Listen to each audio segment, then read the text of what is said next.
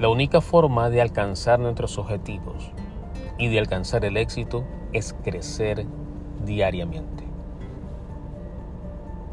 ¿Y cómo lo hacemos? Aquí te doy tres formas para que puedas crecer cada día. Este es de Freddy Guevara Talks Podcast. Soy tu host, Freddy Guevara. Las tres sugerencias son, número uno, sé intencional con tu crecimiento. Levántate siempre y haz las cosas con un propósito para un propósito. Sé intencional con tus cosas, sé intencional con tu vida. Vive con propósito. Y haz que cada cosa que hagas cuente en tu crecimiento personal y profesional. Sé intencional. Número dos, busca oportunidades para aprender y crecer. Mientras observes un trabajo, mientras observes algo, mientras se ve la naturaleza, mientras escuchas algo, mientras hablas, mientras haces cosas.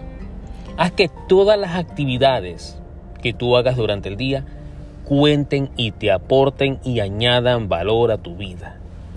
Y sientas que con lo que estás haciendo, con lo que estás escuchando, con lo que estás viendo y con lo que estás hablando, estás creciendo.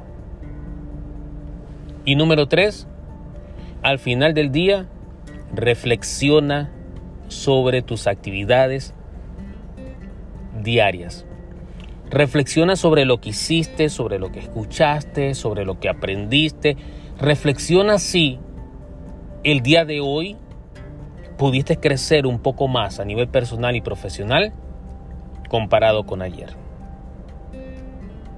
Esas son las tres sugerencias para poder crecer diariamente. Número uno, sé intencional. Número dos, busca oportunidades para crecer. Y número tres, reflexiona en tus actividades al final del día. Recuerda que la única garantía para tener un mejor mañana es crecer hoy.